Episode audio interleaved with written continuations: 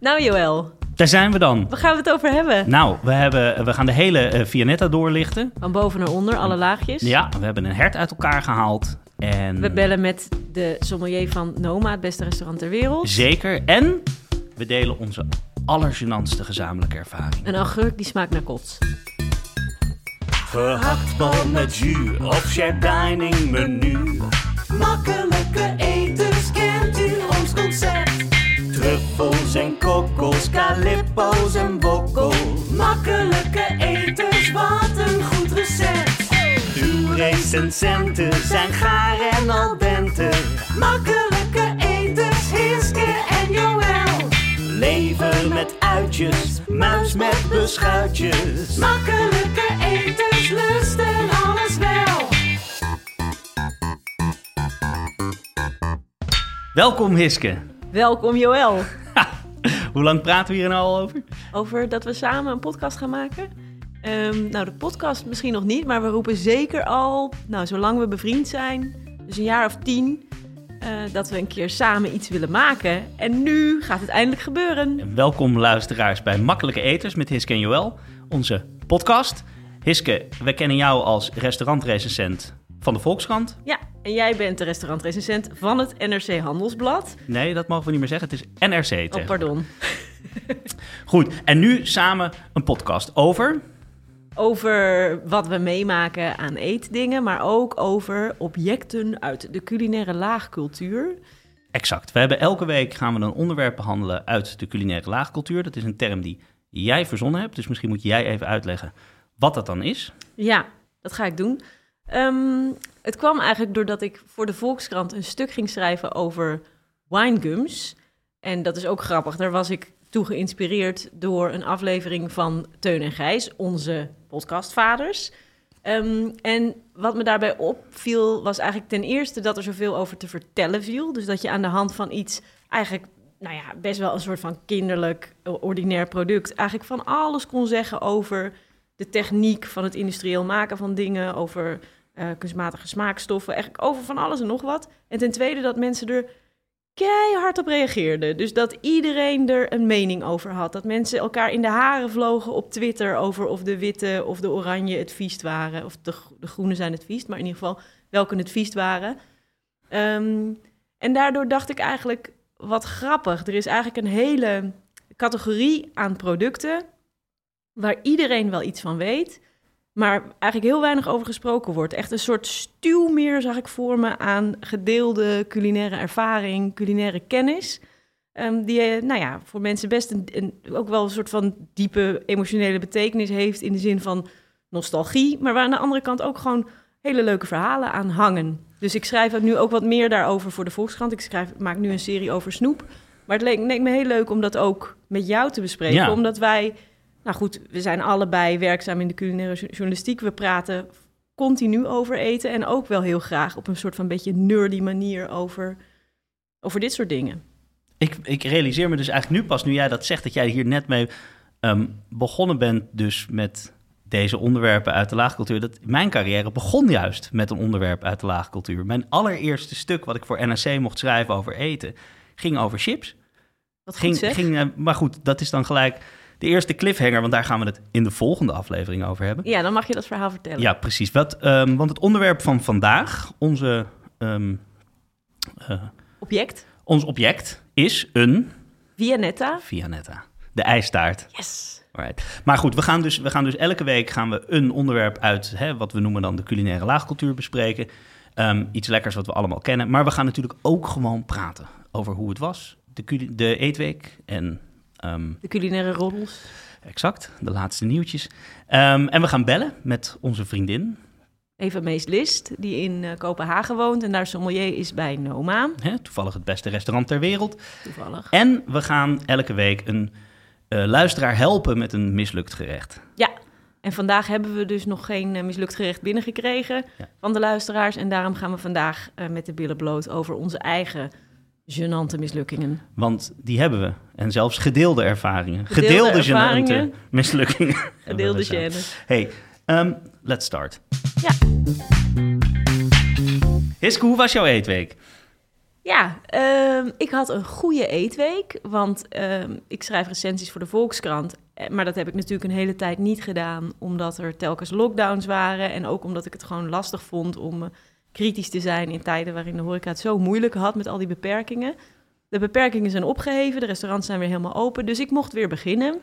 Ehm, en ik ben nu naar twee zaken geweest en het was heerlijk. Het waren twee culinair heel positieve ervaringen. Maar het grappige was dat ik merk dat ik nog wel heel erg moet wennen aan het weer onder de mensen zijn. Want ehm, zo'n restaurant is eigenlijk best een kleine ruimte waarop je met veel mensen bij elkaar zit. Eh, je zit ook allemaal in mekaars blikveld. Je kunt elkaar soms horen. En nou, daar moet ik gewoon weer een beetje aan wennen. Er kwam ook nog bij dat bij een van die restaurants er ook nog een tafel naast ons zat die zich echt ontzettend aan het misdragen waren. En ehm, ja, ik kon daar heel slecht mee omgaan. Ik kon me daar heel dan? slecht van losrukken. Maar wat dan? Wat deden ze dan? Ja, het waren drie van die Amsterdamse gasten. Niks tegenover Amsterdamse gasten. Joël. Ehm, met drie van die gastjes van een jaar of dertig, denk ik. Ik denk dat ze in de reclame werkte, of misschien was het ook wel horeca. Ehm, en er was er één jarig en ze waren heel dronken en volgens mij ook doorgesnoven. Met twee meisjes erbij ook. En ehm, ze maakten een gigantische hoeveelheid herrie. Ze waren de hele tijd heel hard aan het praten. Eh, dan riepen ze, nog een limoncellootje, zo'n lekker koud glaasje. En daarna ook nog espresso martinis Maar en hard al die ook, Ja, iedereen- heel hard. En Naar de bediening dat- riepen ze Naar dat. de bediening. En ook, eh, dan kwam er... Ze zaten dan langs een pad dat naar de wc ging. En dan kwam er een meisje langslopen. En riep ze... Hé, hey, geile broek, eh, kom erbij zitten. En eh, nou ja, gewoon heel, heel irritant. En toen dacht ik ook van... Goh, wat grappig eigenlijk. Ik, ik, ik heb wel het idee dat zij zich nu echt aan het misdragen zijn. Dus misschien zijn, zijn zij gedurende de lockdowns... een beetje hun fatsoen kwijtgeraakt. Maar ook dat ik het zelf echt heel moeilijk vond om te bedenken hoe je hier nou weer mee om moest gaan. Maar dit, is toch, dit heeft toch niks met corona te maken? Dit is, ik heb ook voor de hele lockdown zeker twee van dit soort, nou ja, wel meer. Ik kan me nog herinneren bij Interscaldus, wat wel echt soort van het summen, het drie sterren in Zeeland. Een van de allerchicste, mooiste restaurants waar je voor spaart. Echt voor die eh, Ja, serene sfeer, mooie en duur. Ja. En de, de bediening zweeft daar over de grond en het eten is zo mooi en alles. En er zat een groep van twaalf. Ik denk dat ze bedrijfsuitje hadden en niet zelf hoefden te betalen. Te keren en te schreeuwen en te doen. En er waren al boze blikken over en weer geweest. En de bediening deed alles eraan wat ze konden, maar ze bleven maar bulderen. En dan denk ik, dat je zit je met een paar tweetjes elkaar aan te kijken. En denk je, lopen hier voor 600, 700 piek de deur uit. En het is het absoluut waard. Maar deze mensen zitten zo godschuwelijk die die, die serene rust, die sfeer, die alles wat daar bij dat eten hoort, zo te vernachelen. Maar het is toch ook wel lastig, omdat, kijk, je, je zit ook in een restaurant om gezamenlijk met andere mensen zo'n ervaring te hebben. Dus dat je iets merkt van andere tafels is ook niet zo raar. Ik vind het best wel lastig om te bepalen wanneer je dan er iets van zegt en tegen wie dan. Tegen de bediening of tegen de Nou ja, tafel daar begin zelf? je mee. Je gaat niet in, op, tenminste vind ik in een chic restaurant, ga je niet in eerste instantie zelf opstaan en naar een andere tafel lopen en daar je probeert, want die bediening heeft ook een soort van autoriteit en die heeft een soort van andere eh, verhouding ten opzichte van die gast. En die kan ook met fatsoen zeggen, nou moet u luisteren. Ik vind het heel leuk dat u het naar zijn zin heeft, maar er zitten nog wat andere tafels en misschien dit en dat. Ik bedoel, als je, je zit zelf als gast op dezelfde hoogte, dan krijg je gelijk als mensen... Ja, ehm, ik vind dit trouwens ook wel iets wat we eigenlijk straks even aan Mees moeten vragen. Zo, dat is een goeie. Zullen we dat doen? Ja. Dat gaan we doen. Goed, Joël, hoe was jouw eetweek? Leuk. Ik heb een hert uit elkaar gehaald. Dat was, ja, dit is, nou, dit is mooi, nee, maar het is echt een mooi verhaal. Ik heb, ehm, mijn vrouw heeft een goede vriendin, die is getrouwd met een varkensboer in het oosten van het land. En die heeft daar een eh, bescheiden varkensboerderij en die heeft voor de boerderij een hertenkampje. En daar lopen dan zo, weet ik veel, wat zal het zijn, 9, 11 beesten. En er was een dominante bok die daar de boel aan het terroriseren was. En dat, dat, dat gebeurt dan in zo'n, in zo'n troep. Het was eh, noodzakelijk eh, kwaad. Mhm. Maar het mooie was, ik heb dus een ehm, korte opleiding gedaan na mijn jachtakte tot gekwalificeerd persoon. Zo heet dat officieel. Je moet, als je als jager iets schiet en je wilt het meenemen, dan mag je doen wat je wil. Maar als je het weg wil geven of aan een poelier wil verkopen, Heet dat echt gekwalificeerd persoon? ja, GP. Oh, dat zou ik echt zo graag op mijn cv willen hebben. Nou, dat, eh, het is niet zo moeilijk. Het, is een, het moet 25 multiple choice vragen beantwoorden. Eh, je moet heel veel ehm, parasieten en eh, vieze foto's stampen van allemaal dingen die er mis kunnen zijn. Ehm, maar goed, hoe dan ook. Dit was dus mijn allereerste kans om dat in de praktijk onder toeziend oog van een oudere jager die dat goed kan te doen. Dus we hebben, het, we dat beest opgehangen, gevild, eh ontwijd. Dus dat betekent de darm en alles eruit. En dan moet je dus de ingewanden gaan checken. Je ziet de lever er mooi scherp uit. Er zitten er geen vlekken op. Je slokdarm opensnijden, voelen of die glad is van binnen. Eh, geen parasieten, geen keelhorsels, geen, geen huidhorsels, dat soort dingen. Dus ik kon voor de eerste keer kon dat allemaal in het echt checken. En was er iets mis met, het, Nee, met de niks. Dominante bok? Prachtig. Het was echt, echt een prachtig beest. En vervolgens hebben we hem in vijf grote stukken meegenomen naar mijn slager in Amsterdam. En die zei van, nou, hartstikke leuk. We zijn toen aan het eind van de middag anderhalf uur met z'n tweeën... dat helemaal in technische delen gaan verdelen en alles kijken hoe Kun het je dat zit. eens uitleggen wat het is, technische delen? Nou ja, als je de, de, de ehm, je kent van die plaatjes, van die ouderwetse plaatjes van een varken of een koe met die stippellijntjes erop. Ja. Waarbij er de hele tijd staat, hier komt de sucade vandaan, daar komt de biefs. Nou, dat ga je dus doen. En zo'n slager die kan precies tussen de vliezen de, de verschillende spiergroepen uit elkaar snijden. En dan zeg je, nou kijk, hier ligt de kogel, hier ligt de bovenbeeld, de dikke beeld, de platen, bla bla bla. Dat, dat is allemaal van die slagerstermen. En die, dat zit dus ook allemaal in een hert. Ja, maar alleen veel. Dit waren dus zulke sucades met een heel klein sucadezeentje. Want ja, bij een koe, een koe is natuurlijk drie, vijf keer zo groot. Ja, zo dus groot gewoon- als een luciferdoosje of zo? Of hoe groot? Nee, dat ook weer niet. Maar gewoon, ja, wat zal ik zeggen? Ehm, Een pistolet. ja, een pistoletje. Dat, eh, Maar goed, het, het mooie is dus wel dat ik mijn, mijn vriezer vol heb liggen met... We hebben gehakt gedraaid, poulet gemaakt. Ik heb eh, mooie braadstukken mee. Ik hoef de komende drie maanden niet meer naar de slager. Nee. Ik eet sowieso niet elke dag vlees, maar ik heb dus... En van alle botten die we over hadden, ga ik dan jus trekken... waar ik dan vervolgens weer die stoof mee kan maken en zo. Dit, ik heb nu al zoveel lol dat ik tot en met... Het gaat gewoon op een hertdieet. Tot eind mei ben ik gewoon... Je moet oppassen dat je zelf straks geen gewei gaat groeien. ja, nou het kopje hebben we uitgekookt, dus die ga ik straks een beetje waterstofperoxide bestrijken om alle laatste resten eruit te halen. En die kan dan aan de muur. Oh ja, jeetje. Ja. Ja, dat is wel echt het betere macho vleeswerk. eh. Ja, maar het voelt helemaal niet zo much. Het voelt dus heel, Ja, het is ook Heel- lekker geeky. ja, het, heel nerderig en natuurliefhebbend. En Ja. ik bedoel, ik heb dus nu, we hebben één beestje op een hele mooie manier, volledig van kop tot staart, echt alles, alles, alles aan het beest verwerkt. Het ligt in mijn vriezer en ik ga hier heel zo lang mogelijk op teren. Ja, te gek. En dan maak je een panstoof. En dan heb je wat over. En dan kun je de volgende dag nog dat met pappardellen nog een keertje. Weet je wel, je kan er ook zo lekker door de week heen. Ja, hartstikke goed. Nou, superleuk. Ja, vond ik mooi. We gaan naar het reclameblok. Makkelijke etensadvertentieblok. Eén ding waar ik dus nooit meer naar terug ga. Hè, na deze lockdown, die, wat ik geleerd heb van deze coronacrisis. Want we konden een hele hoop dingen, konden even niet en moesten we afscheid van nemen. Maar één ding wat ik dus niet meer ga doen, is naar de supermarkt. De hoeveelheid zinloze tijd die wij al die jaren daarvoor hebben gespendeerd aan het naar de supermarkt toe gaan. En daar een heel rondje moeten lopen om allemaal dingen in je mandje te verzamelen. Wagentje en dan ontsmetten. ook nog eens een keertje in de rij staan voor die kassa.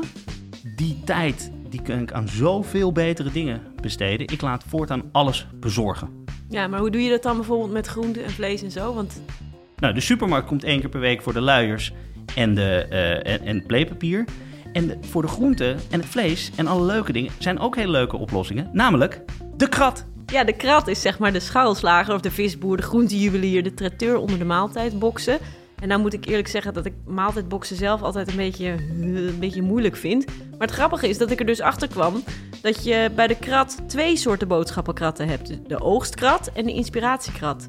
En eh, de ene is een maaltijdbox en de andere krijg je gewoon een krat met allemaal spulletjes. En dan kun je lekker mee gaan koken. En wij kregen vorige week dus zo'n oogstkrat eh, op de stoep. En ik moet eerlijk zeggen, ik werd er hartstikke vrolijk van. Want het was echt zo halverwege de week. Een beetje zo'n moment dat de koelkast leeg eh, dreigt te raken. En alle lekkere dingen wel een beetje zijn weggeroust. En dan ineens staat er dus een aardig iemand op je stoep met zo'n rustiek houten kratje vol met lekkere dingen. En wat zit er dan allemaal in? Ja, er zit kaas in, er zaten schorseneren in. Eh, een hele grote stronk met spruiten had ik ook, spruiten aan de stronk. Het zijn in ieder geval ingrediënten van Nederlandse bodem, seizoensgebonden, geproduceerd met respect voor mens, dier en milieu en met relatief veel groenten. Ja, en er zijn maaltijdboxen met vlees, maar ook een vegetarische en een vegan. Ja, en een abonnement bij de krat is heel flexibel. Je kan hem heel makkelijk aan of uitzetten voor een paar weken of niet. Of je kan eenmalig bestellen of om de week. Dus de krat bezorgt landelijk en je hebt meerdere afhaalpunten in Amsterdam. Ga naar dekrat.nl slash makkelijke streepje eters. En dan kun je tot drie keer 10% korting ontvangen. Zo, de krat. Makkelijke eters, Hiske en Joël. Goed, dan is het nu tijd voor het eerste onderwerp. Yes! En ik heb hier op tafel al een heel handig eh, soort mini koeltasje staan. Waar ik net ijsblokjes in heb gedaan. En hetgeen we gaan bespreken, namelijk De Vianetta. de Vianetta. Oké. In een mooie blauwe doos. Met vanillesmaak. Joël, ehm, waar ken jij de Vianetta van? Waar moet je aan denken bij Vianetta? En nou, als, dat is misschien. ehm, als ik aan Vianetta denk, dan moet ik onmiddellijk denken aan steengrillen. Ach, En jij en ik weten allebei, als er één ding is wat je niet met Vianetta moet doen, is die op de steengril. Nee, het is. schade ehm, schande. Ja, nee, eh, Vianetta doet mij gewoon heel erg denken aan vroeger kerst bij mijn vader. En dan werd er gesteengrild en dan had hij Vianetta in de vriezer. En dat was, maar dan denk ik echt toen ik heel klein was. En dat was dan, ja, Vianetta, dat was dan wel een beetje het hoogtepunt waar we naartoe werkten. Ja. Of tenminste, dat idee had ik. Maar dat heeft dus, ja, het heeft voor mij iets heel ehm, Hollands kleinburgerlijke gezelligheid. Eh, we doen dat overigens nog steeds, dat steengrillen op tweede kerstdag. Oh ja, en ook maar niet met Vianetta erbij? Vianetta meer, nee. Wat grappig, ja. Ik moet bij Vianetta dus heel erg denken aan de reclame van Vianetta. Mhm. Ken je die nog? Ik moet enorm graven. Oké, ik ga hem even afspelen. Ola brengt een uniek ijsdessert op tafel. Viennetta. Heerlijk rijk vanille of walnootijs tussen onweerstaanbare krokante chocolaagjes. Viennetta van Ola kan u echter een probleempje geven. Na één portie weten ze niet meer van ophouden. Ja, vind- Walnoot? ja, je had ook een walnoot Vianetta vroeger. Wow. En ik had dus, je had deze reclame en je had ook nog een andere, waarbij je dus ook, eh, zeg maar, vier mensen rond een tafel had. En dan, wie, dan kwam er zo'n zucht wind door het raam naar binnen en die ble- blies de kaars uit. En dan was ineens de laatste portie weg. En dan zeiden ze, wie heeft de laatste portie genomen? Er ging ook altijd zo'n soort van erotische zweem van partnerruil. Er komt van alles naar Over- boven bij mij. over die Allemaal van die vitrage die zo... Precies, eh, vitrage, saxofoons, echt zeg maar van de jaren tachtig erotiek. Onweerstaanbare Onweerstaanbare laagjes. Zullen Maar, we voortaan ehm, alle reclames zo inspreken? Ja, ik vraag me af, wat, ik heb heel erg het idee dat het altijd dezelfde persoon was die die dingen insprak. Dus echt zo iemand met zo'n soort fluwelen stem. Maar ehm, eh, ik ga de Vianetta even uitpakken, want ik heb er wat dingen over uitgezocht. En de Vianetta heeft een, eh, een, een prachtige geschiedenis. Hoe, hoe oud denk jij dat die is? Hoe lang denk je dat het al bestaat? Jezus. Vianetta is tijdloos. Nee, maar serieus, ik, bedoel, ik, nee, dat, ik zou het niet weten. Het zal, ja, Oh, hij echt een beetje aan het smelten al. Maar je ziet hier heel duidelijk die hele karakteristieke eh, golfjes hè, aan de zijkant. Want het is dus een ijstaart.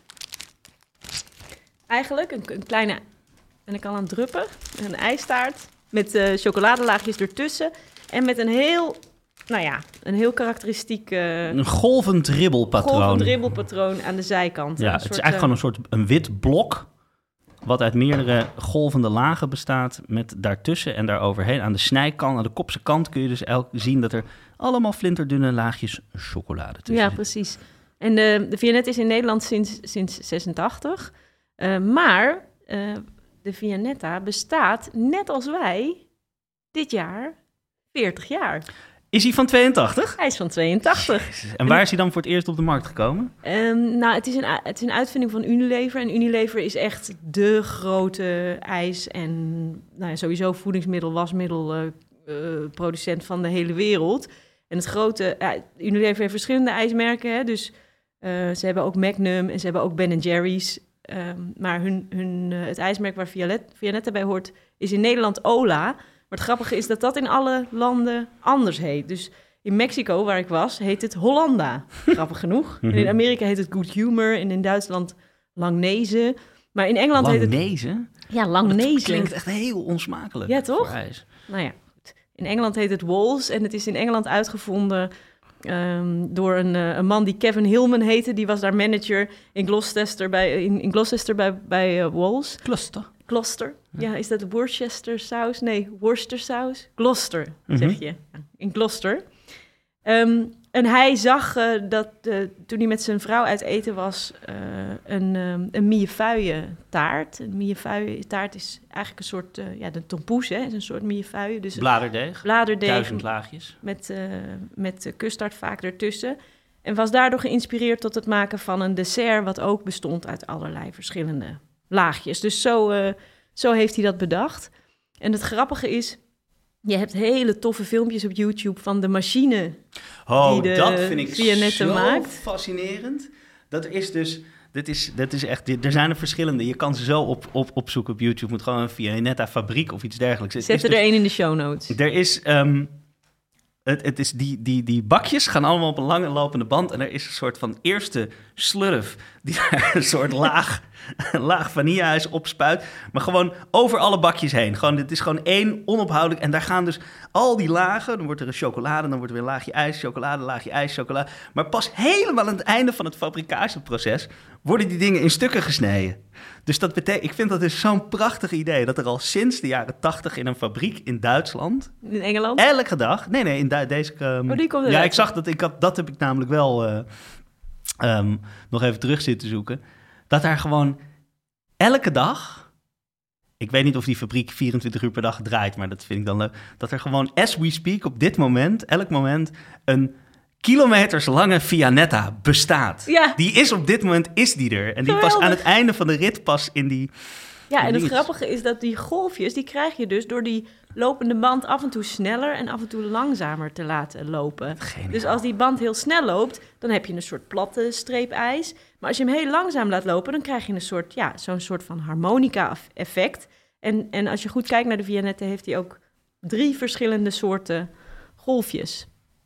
Drie snelheden. Drie snel, nou ja, 1, 2, 3, 4, 5, zes snelheden zijn het dus. Ja, en daartussen dat- komt, dan, komt dan chocolade. Het is natuurlijk heel grappig dat als je kijkt naar de geschiedenis van de patisserie, dat je vroeger juist aan dit soort dingen heel erg kon zien dat het met de hand gemaakt was. En dat alles wat. eh, dat was super moeilijk, want je moet een hele vaste hand hebben om dit zo precies te doen. Die, Terwijl we nu juist, eh, als we dit zien, denken: oh, dat komt uit een fabriek. Maar die Engelsman, we- werkte die al voor Unilever? Of heeft hij dit bedacht en ooit een keer gemaakt? Nou, hij werkte voor, voor Walls Ah, en, en dat, dat, dat was een onderdeel van Unilever. Ah ja. Ja. Dus het is niet zo dat die dat eerst met de hand heeft zitten spuiten... en dat uiteindelijk er een groot concern er een fabricatieproces van heeft. Maar zijn, zijn idee was juist... ik kan dit door een machine kunnen Ja, dat denk ik. Ik Ja, denk dat juist de uitvinding van de machine was het grote...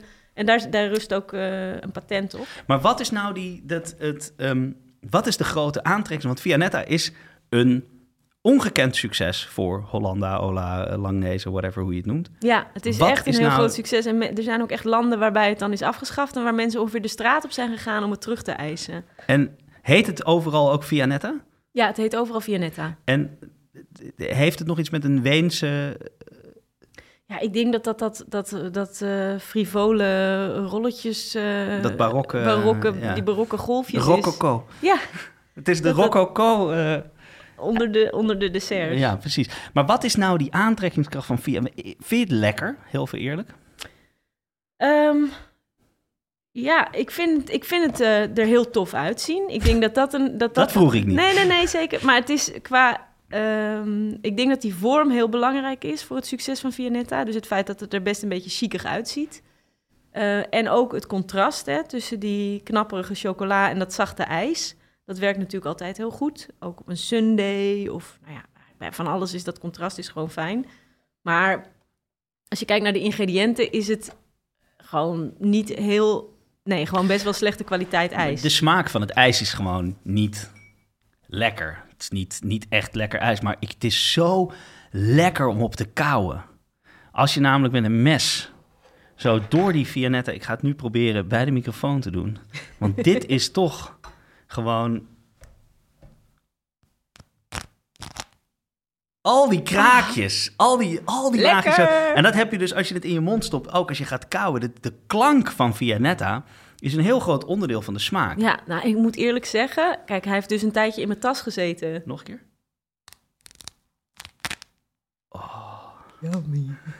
Hij heeft dus een tijdje in mijn tas gezeten en ik moet eerlijk zeggen, hij heeft echt de perfecte textuur nu. Want hij is een beetje gesmolten aan de zijkanten. Hij is echt, dus qua, ik heb er eigenlijk best wel zin in. Hm, Jij wilde hem, wil je hem nou nog wegen voordat ik ga eten? Shit, ja, dat is zo. Ja, want ik, ehm, Ja, Hiske heeft een weegschaal meegenomen. Ik weet niet waarom, maar ik ga ervan uit dat ze daarmee de Vianetta wil wegen. ja, dat klopt. Maar daarvoor wilde ik eigenlijk eerst even iets vertellen over, eh, over fabrieksijs in het algemeen. Dat heb ik ooit gehoord van Kees Raad, de chocolatier ehm, en ijsbereider die een eh, te gekke winkel in Amsterdam had. En die vertelde mij dat fabrieksijs ehm, eh, altijd op volume wordt verkocht. Dus niet op gewicht, maar op volume. Dus in liters in plaats van in kilo's. En dat dat, dat ook is omdat, doordat er zoveel eh, toevoegingen in zitten. Ik kijk even op de lijst hier ook van de Vianetta. En er staat dan gehydrateerde magere melk, kokosolie, glucose, fructose, stroop, suiker, glucose, melkeiwitten. eh, en allerlei emulgatoren. Eh, dat je er daardoor heel veel lucht in kan pompen. Waardoor dat ijs dus heel weinig weegt. Dus het leek me leuk om even te kijken wat zo'n Vianetta nou weegt. Ik heb er net wel een heel klein hapje van genomen. Dus 750 milliliter. Nou, Hoeveel? 360 gram. Eh, Echt waar? Letterlijk? Ja. Jezus. Bizar. Maar dus met bakje. Ja, met bakje is het 380 gram. Oh, oké. Maar ehm, eh, wat grappig is, is je hebt dus eigenlijk, als je zelf ijs wil gaan maken, moet je vaak een ijsmachine hebben, hè? Want je weet hoe ijs gemaakt wordt, toch? Ja. Jawel. Je hebt eh, water bevriest, Mhm. dat wordt heel erg hard. Ja. Daar kun je een, ijs, een Elfstedentocht op schaatsen als het hard genoeg is. Ja. Maar dat is geen lekker ijs om te eten. Dus als je lekker ijs wil eten, dan moet je er juist voor zorgen dat die ijskristalletjes een beetje klein zijn. Want kleine ijskristalletjes, dat er- ervaart je mond als iets En romigs. dat ze opgelost zitten in dus nog steeds een vloeibaar deel. Precies, je hebt dus dingen van- die bevriezen en je hebt dingen die niet bevriezen. En bijvoorbeeld eh, suiker of vet, dat bevriest niet goed. Nee. Eh. het simpelste voorbeeld is sorbet.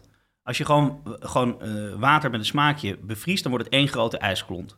Als je zorgt dat je het ehm, zoet maakt, hè, dan het deel water waar daar suiker in opgelost zit, die heeft een veel lager vriespunt dan het deel water waar geen suiker in opgelost zit. Dus wat je doet is door het constant in beweging te houden, vriezen de water, het water waar geen suiker in zit, vriest vast aan de rand en dat schraap je steeds los. En die hele kleine ijskristalletjes die je losschraapt, die komen verspreid te zitten over het deel water waar wel suiker in zit en wat dus niet oplost. Dus dan heb je op een gegeven moment heb je dus een, een, een- een massa van deels bevroren water en deels niet bevroren water.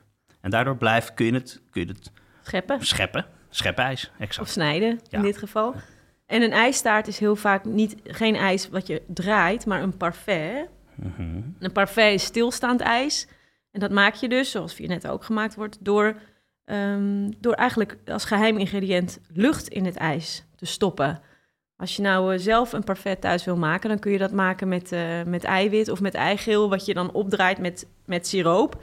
Nou ja, je weet hè, als je eiwit opklopt, dat wordt een enorme moes. En als je dat dan mengt met een smaak of met, en met slagroom, dan kun je het gewoon zo bevriezen.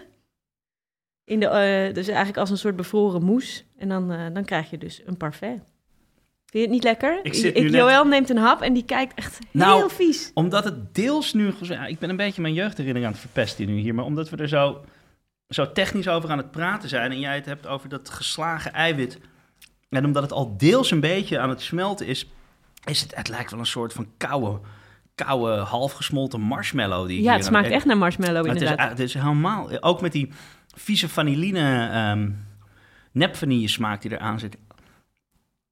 Het is helemaal niet, mm, maar het komt misschien smaakt inderdaad, niet- op een of andere maar manier nu ik ook... met de chocolaatjes erbij. Dat is ook geen echte chocola, hè? Het is gewoon koetjesreep. Ja, maar, Ja, ik zie je toch best wel blij kijken. ja, nou komt dus toch die herinnering weer naar boven. Ja, ja En die, die knak dat- moet erin zitten. Maar je merkt inderdaad heel erg aan het ijs, en dat hebben we net ook gezien bij dat wegen, dat er dus, eh, dat er dus heel veel lucht in zit. Ja, Maar kijk, als je je net daar zelf thuis geen zou- gebakken lucht, Geen maar gebakken bevroren lucht. Dan, eh, als je het thuis zelf zou willen maken, Eh, en dat, toen ik dat opzocht van hoe dat zou moeten, liep ik natuurlijk mis thuis zelf maken. Wie is dat? Als je zoekt, eh, kun je dat ook thuis zelf maken. Kom je tegen Karin Luiten. Heeft die zo'n machine thuis? Dat zou wel heel leuk zijn. Nee, Karen Luiten die eh, schrijft voor de trouw, die heeft altijd een rode jurk aan. En die maakt dingen zonder pakjes en zakjes. Dus die maakt dit soort dingen na. Dus eigenlijk altijd als ik iets zoek, hoe wordt het gemaakt, kun je het zelf maken, kom ik haar tegen. En die maakt het met een eiwit Heb ik eh, nou nooit. parfait. Mhm. Maar ik moet zeggen, als ik het zelf thuis zou doen, zou ik het altijd... Mijn, mijn absolute lievelingsnagerecht is ook een parfait. En die maak je met eigeel. Dus dan maak je met eigeel eh, en eh, lekker veel drank. Dus rum en marsala. Maak je ehm, een sabayon door het te kloppen boven een pannetje met kokend water. Eh sabayon met lekker veel drank erin. slagroom, en dan praliné. Dus je maakt een karamel met nootjes erin. En die, die stamp je dan lekker in stukjes met een deegroller. En dat door elkaar. En dat is echt, als je dat op tafel zet en je laat het ook zo smelten tot het wat je hier ziet. Dat die saus die druipt er dan zo'n beetje af. En dat is echt het lekkerste dessert wat er bestaat. Ik, eh, ik heb het geleerd maken bij Toscanini en ik kan het recept ook in de show notes zetten. Wauw. Maar als jij dit te veel gedoe vindt of Nee, te, mo- of ik te vind moeilijk, het gewoon, nee, helemaal niet. Maar het is, het is gewoon, het is, ik bedoel, het is, eh, we hebben ondertussen zijn we een semifreddo met pralinee aan het maken en eidooi. Dat heeft natuurlijk helemaal geen reet meer met die Viennetta Nee, te nou, je maken. mag, hem, je mag Maar- hem ook opspuiten in golfjes. Als je Alles Misschien- opspuiten in golfjes. Exact. Maar als het te moeilijk is, kun je ook, en dat is, vind ik ook altijd een hele goeie, eh, die krak, als je die graag wil, dan kun je ook gewoon goed vanille-ijs kopen, goede chocola kopen, chocola even smelten in de magnetron, steeds op kleine schokjes. Ook hè, want anders zeggen, dan- dat is levensgevaarlijk. In de Nee, dan moet je het zo 15 seconden weer uit, 15 seconden Ja. weer uit. T- twee lepels kokosvet er doorheen. En dan heb je dus een vloeibare saus. En als je hem over het ijs doet, dan wordt hij hard. En dan krijg je zo'n lekkere magnum knak van. Dus dat is een heel makkelijk toetje, wat ook een beetje die Viennetta vibe geeft. Wauw. Makkelijke eters, wat een goed recept. Hoi. Hi. Mees? Hoe heet Ola in Denemarken?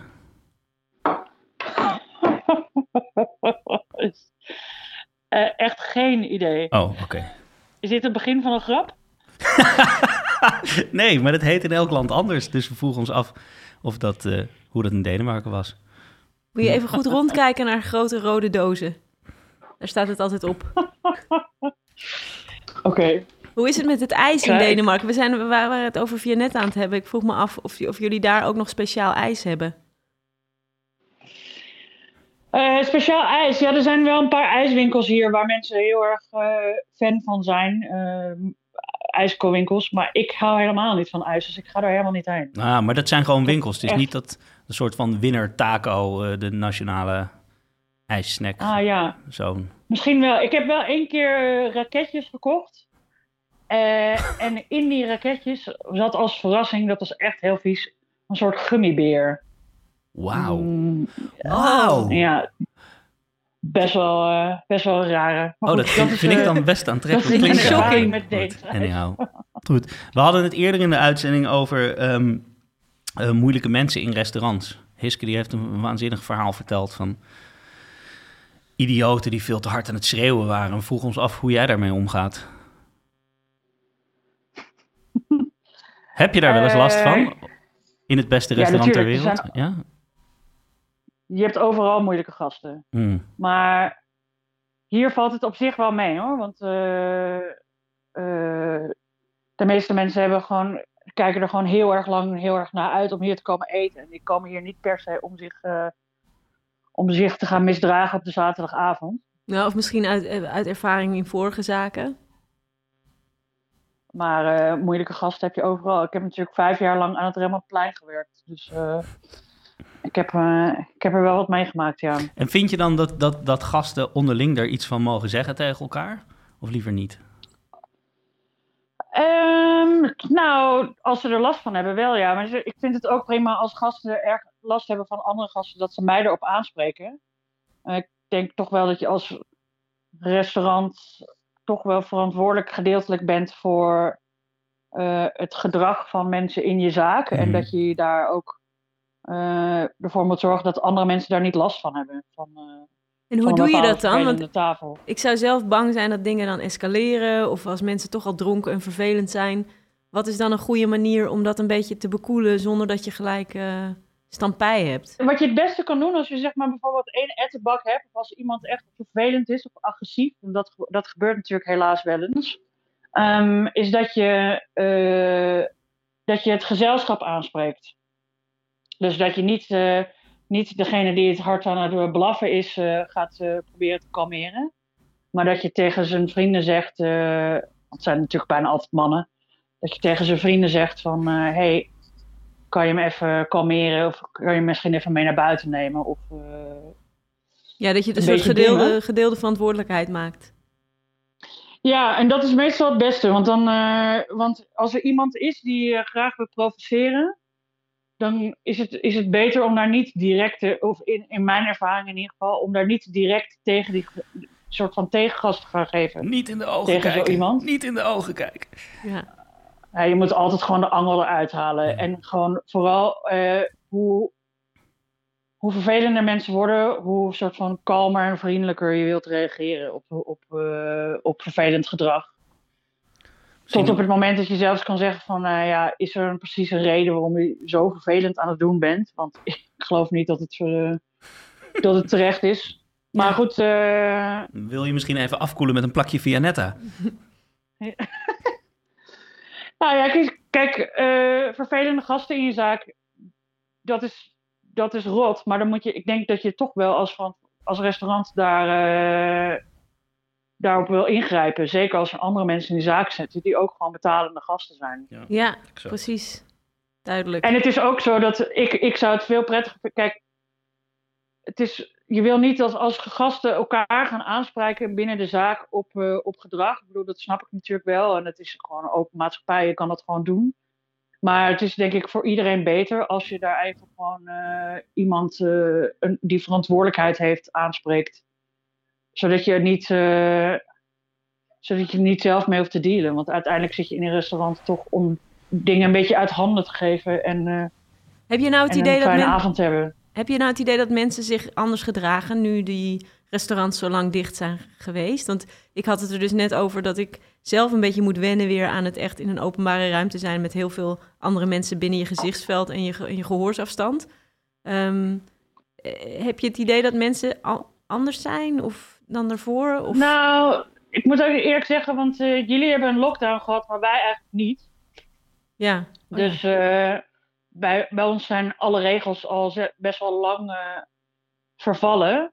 Maar vorig jaar in de zomer, toen we weer open gingen, na denk ik zeven maanden, toen was er echt wel een ander. eh, Hm. ja, was er gewoon echt een soort heel euforisch gevoel. En iedereen was alleen maar extreem blij. Ik had, niet, ik had, dus vooral dat was heel erg merkbaar. Wij ook, en iedereen. Het was een soort van. eh, het was natuurlijk ook midzomer en het was heel erg prachtig buiten. En het was een soort van eh, heel extatisch gevoel de hele tijd. ja, wat fijn hè? Maar wij, wij hebben nooit. eh, wij hebben tafels die best wel ver al van elkaar afstaan. Het is niet zo dat wij eh, een andere inrichting van het restaurant hebben gehad. Of al die dingen. Dus het is. Het is niet zo dat, dat mensen ineens hutje mutje op elkaar zitten en daarvoor niet. Hm. Eh, Maar je hebt dus ook geen wel- mensen die, die gaan schreeuwen naar andere tafels dat ze geile broekjes aan hebben. Dat, eh, zoals nou, ik mag hoop van niet. En Nee. als ik het hoor, dan, dan hebben ze met mij aan de stoel. Levensgevaarlijk. Oh. Ehm, Ja, Mees, dat gaat echt niet gebeuren. wat, wat moet je doen vandaag? Wat moet ik doen vandaag? Nou, de week begint eigenlijk. Dus ik ben eh, vanochtend begonnen met een bespreking daarover. Ik heb in de ijskasten gekeken wat er allemaal besteld moet worden.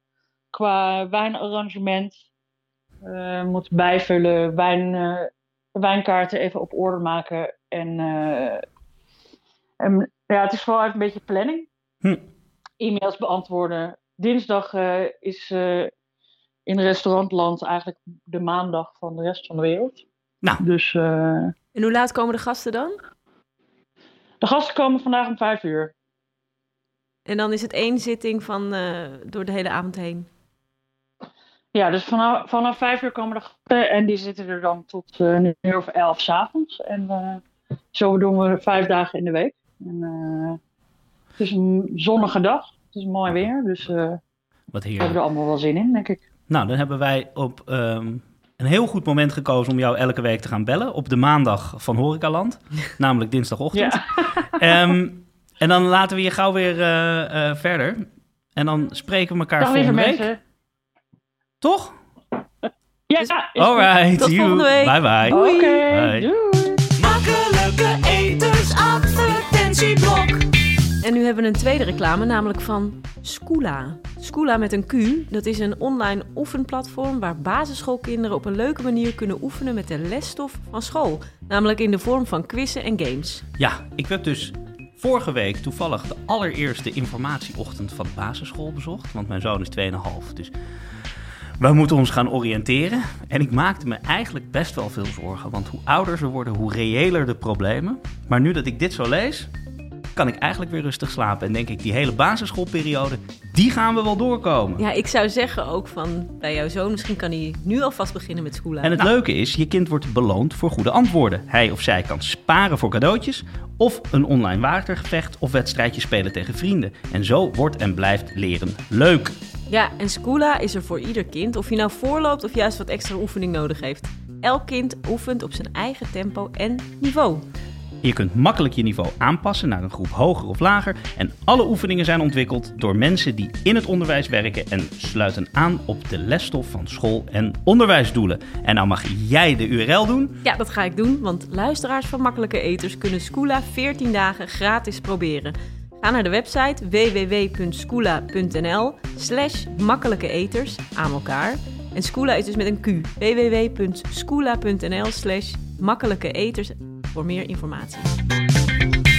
Dan hebben we nog maar één ding openstaan voor vandaag. Ja, onze laatste rubriek eh, in, eh, in onze podcast. De mislukking, het mislukt gerecht.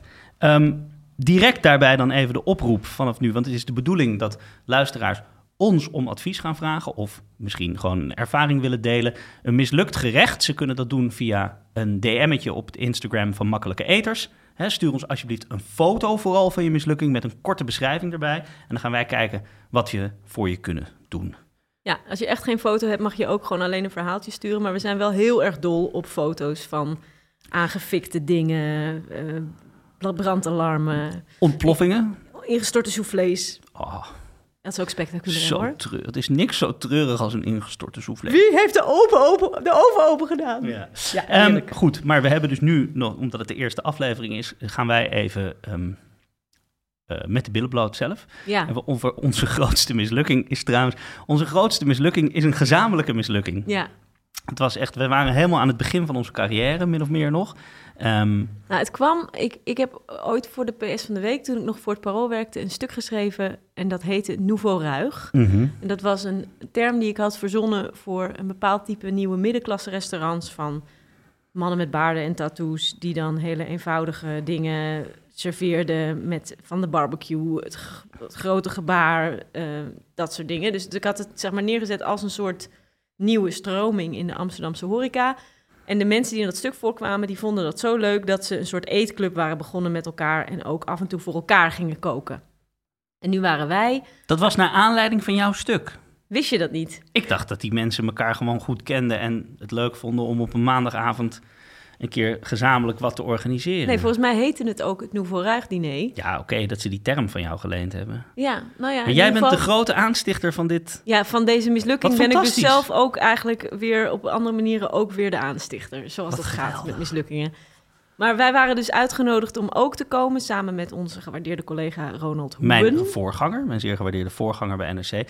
Ehm, wij zijn toen wel nadrukkelijk ehm, verboden, omdat ze zeiden: we willen dat jullie gewoon voor de gezelligheid komen. Dit is niet om over te schrijven, dit is gewoon een avond voor en door elkaar. Ja. En wat de grap was, of het idee was dus, dat al die restaurants op hun vrije avond met elkaar een diner zouden doen en dus allemaal een gang zouden koken. Maar tussen gingen de culinaire journalisten, gedrieën, ook een bijdrage doen in de vorm van een zeer bescheiden bijgerechtje. Een borrelhap. Een borrelhap. Wij gingen namelijk fried pickles maken. Ja, en die fried pickles was ook nog een... Was, eh, ik denk dat alleen al het feit dat wat we gingen maken zo misging... was echt het gevolg van een soort enthousiasme kramp bij mij. Want ik wilde zo graag iets tofs maken, dat wij hadden volgens mij wel al samen besloten, we, willen, we gaan een gefrituurd hapje doen. Iets in een beslagje met een dipje erbij. Zie je, we waren toen ook al met die laagcultuur bezig. Precies, moest iets in een, ja, en in een beslagje. En toen was ik gaan zoeken en toen kwam ik dus tegen fried pickles. En toen dacht ik, dat is perfect. Want dat Maar je is kan mij niet super- blijer maken, Nee, want is- alles Amerikaans is goed. Precies, het is perfect ruig. Het is gefermenteerd. eh, het is eh, een beetje stoer. Je moet het in het hete vet gooien. Je kunt het goed voorbereiden van tevoren. Dus ik was hey, ik weet ook nog dat ik volgens mij jullie mailde jou en Ronald en zei: "Nou, nu heb ik toch iets tofs. We gaan fried pickles maken." Maar we moesten zelf de augurken gaan fermenteren. Ja. En daar is het volgens mij misgegaan. Ja, want daar waren we veel te laat mee. En ik zie ons ook nog in die keuken van Ronald. Die woont in, de, in de wolkenkrabber eh, in Amsterdam-Zuid. Ja. Uitkijkend over de stad stonden wij daar in de keuken... ons een beetje voor te bereiden op onze grote overwinning. Want we hadden echt het idee, we gaan echt iets te geks maken. Stonden wij die augurken in te maken. En we hadden het ook al geprobeerd met een, een, gewoon een pot augurken van de Lidl. Smaakte hartstikke Lidl? goed. Ja, gewoon een pot goedkope, zure augurken hadden we gekocht. En hadden we een stukje van gefrituurd. Dat was, al- dat was heel goed gelukt. herinnering aan deze. Ja, dat, dat zijn die, die schaamteherinneringen, die, die bijten Ja. zich zo diep in je ziel. Die kan, je gewoon, kan ik gewoon altijd nog heel goed terughalen. En toen moesten we het gaan uitvoeren in restaurant Bak. En we gooiden die eerste pikkel in de frituur en we dachten, we proberen er even eentje. Het was gewoon... Oké, dus stel je voor. Iske, Joël en Ronald worden uitgenodigd. Hè? Wij, zijn, wij zijn de mensen die de horeca de maat nemen... die dat proberen zo eerlijk en leuk mogelijk te doen... en toch ook een beetje een, een relatie met die mensen te onderhouden. Want je bent als culinair journalist natuurlijk ook een beetje van je netwerk afhankelijk. En wij staan daar met de toffe gasten... met de crème de la crème van die nieuwe Amsterdamse scene... die allemaal... En wij mochten ook. Het was zo vies. smerig. Het was gewoon echt niet te vreten. Het was echt En we afschuwelijk. hebben volgens mij twee bakjes uitgeserveerd. En toen Nee, we hebben niks weer- uitgeserveerd. Nee, Nee, ja, nee. Wat, wat er gebeurde was dat ik het proefde en toen zei ik, we gaan het niet doen. Toen zei jij, ach, dat kan toch best? Toen zei ik, nee, heb ik we gaan het niet doen of ik ga nu naar huis. ik vond het, het was zo vies. Het smaakte echt als een soort, soort kartonnen doos waarin gekotst was. Het was En, maar wel twee dagen eerder, zodat het goed in het karton getrokken oh, was. Dat, verschrikkelijk. Nou, dat was dus de, het, wat bekend is komen te staan als het pikkeldebakel. We worden er ook nog steeds af we were toe in a pickle. mee gepest. Maar goed, het is lang geleden. Ja, maar wat is er nou precies misgaan? Waar is die kotsmaak van gekomen? Ja, ik denk dat het daarvoor toch vooral belangrijk is om te kijken naar wat we hebben geprobeerd te doen met die fermentatie. Want eh pickles of eh, nou, augurken, hè, zo kennen we ze Mhm, ook, mhm. zijn eh, gewoon gefermenteerde komkommers. Dus je hebt kleine augurkkomkommers en die stop je in een, eh, in een potje met gezouten water. Er komen dan melkzuurbacteriën bij. Die, dat zijn vriendelijke bacteriën, super gezond. Die zetten de suikers om in zuur. En daardoor kun je het bewaren. Dat is eigenlijk het hele idee van het fermenteren van Ja, pickles maar, in melkzuur. maar dit zijn dus niet de augurken die de meeste mensen kennen. Want wat wij veel kopen in de winkel zijn augurken die gewoon in azijn gelegd zijn. Ja. Wat al zuur is. Wat en al daardoor gefermenteerd is. Ja, in principe, maar dat is in principe dus gewoon een zure vloeistof. En daar gebeurt dus niks meer mee met micro-organismen of in zoetzuur. En dan is het azijn met suiker. Maar de, die augurken waar wij het over hebben, dus de, de echte gefermenteerde augurken of de dilpikkel, zoals ze hem in Amerika, die is... Omdat dat je er vaak dillen in doet ook, Ja, dat is een pekelaugurk. Dat Ja. heeft dus een beetje, dat, dat heeft iets zouts en iets zuurs. Want je begint dus met een zoutoplossing. En omdat die melkzuurbacterie aan de gang gaat, wordt de omgeving ook zuur. Dus Ja. het is altijd een zoutzure... En dat maakt ze ook zo lekker, want dat Heerlijk. melkzuur, wat je ook kent uit, eh, uit, eh, Yoghurt. uit yoghurt en dat soort, oh, oh, nou ja, yoghurtbacterie.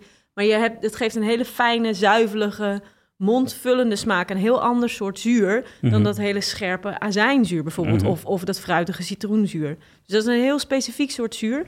Maar ik denk dat toen wij dit gingen maken, dat we zelf eigenlijk gewoon nog niet zoveel ervaring hadden met het fermenteren Nou, van nul. dingen. Ja, en ook niet zo goed wisten hoe het moest gaan smaken. Dus ik weet nog dat we die augurken toen wel proefden en zeiden... oh ja, het is inderdaad wel een beetje zuur. Maar was nou, zijn we nou te laat begonnen en is de fermentatie gewoon niet op gang gekomen? En zaten we dus met een half, sla- half slappe eh, augurk met een beetje zout? Of zouden we misschien een fout gemaakt hebben en een besmetting hebben opgedaan? Dus dat die melkzuurbacterie toch niet de overhand had op tijd. En dat er dus misschien andere microben gewoon de boel hebben lopen versteren. Want Ja. dat is de truc van fermenteren natuurlijk. Hè? Dat je de, de omgeving zo optimaliseert dat je, dat je eigenlijk stuurt dat die melkzuurbacterie het het meest naar zijn zin heeft. En dat die zich lekker kan gaan vermeerderen. En dat je dus geen gevaarlijke andere. Ja, en eh, dat zou, dat zou, als dat zo zou zijn, dan zou dat betekenen dat, dat, dat die pekel van ons niet zout genoeg was. Want je maakt die zoute pekel natuurlijk ook om de slechte bacteriën buiten te ja, houden. exact. En ik denk eigenlijk niet dat dat zo was. Ik denk gewoon dat als we die agurken gewoon nog een week langer hadden laten staan, eh, dat, het, eh, dat het heel anders had Of Ronald heeft er wat mee gedaan. Want ze stonden in zijn keuken. Ja, misschien heeft Ronalds kat erin gekotst. Nou, maar je moet ook af en toe dingen proberen. Dingen moeten ook misgaan Ja. om, om, om het te leren. ja. Dus voel u vooral niet geremd eh, Nee. om uw mislukkingen met ons te delen. Stuur ze in een DM'tje via eh, Instagram of via Twitter. Kan ook. We hebben een Twitter-account Makkelijke Eters en een Instagram-account Makkelijke Eters. Alles is welkom. Goed. Volgende week. Paprika chips. Yes. En dan gaan we jouw verhaal horen over jouw Oh. allereerste stuk. Ik heb er zin in. Paprika chips zijn de beste chips, dat wil ik alvast zeggen. Met of zonder ribbeltjes. Mm. Nou, daar kunnen we allemaal een week lang over nadenken. Eh, en we zien uw eh, mislukte gerechten graag tegemoet. Bedankt voor het luisteren. Dankjewel. Dag.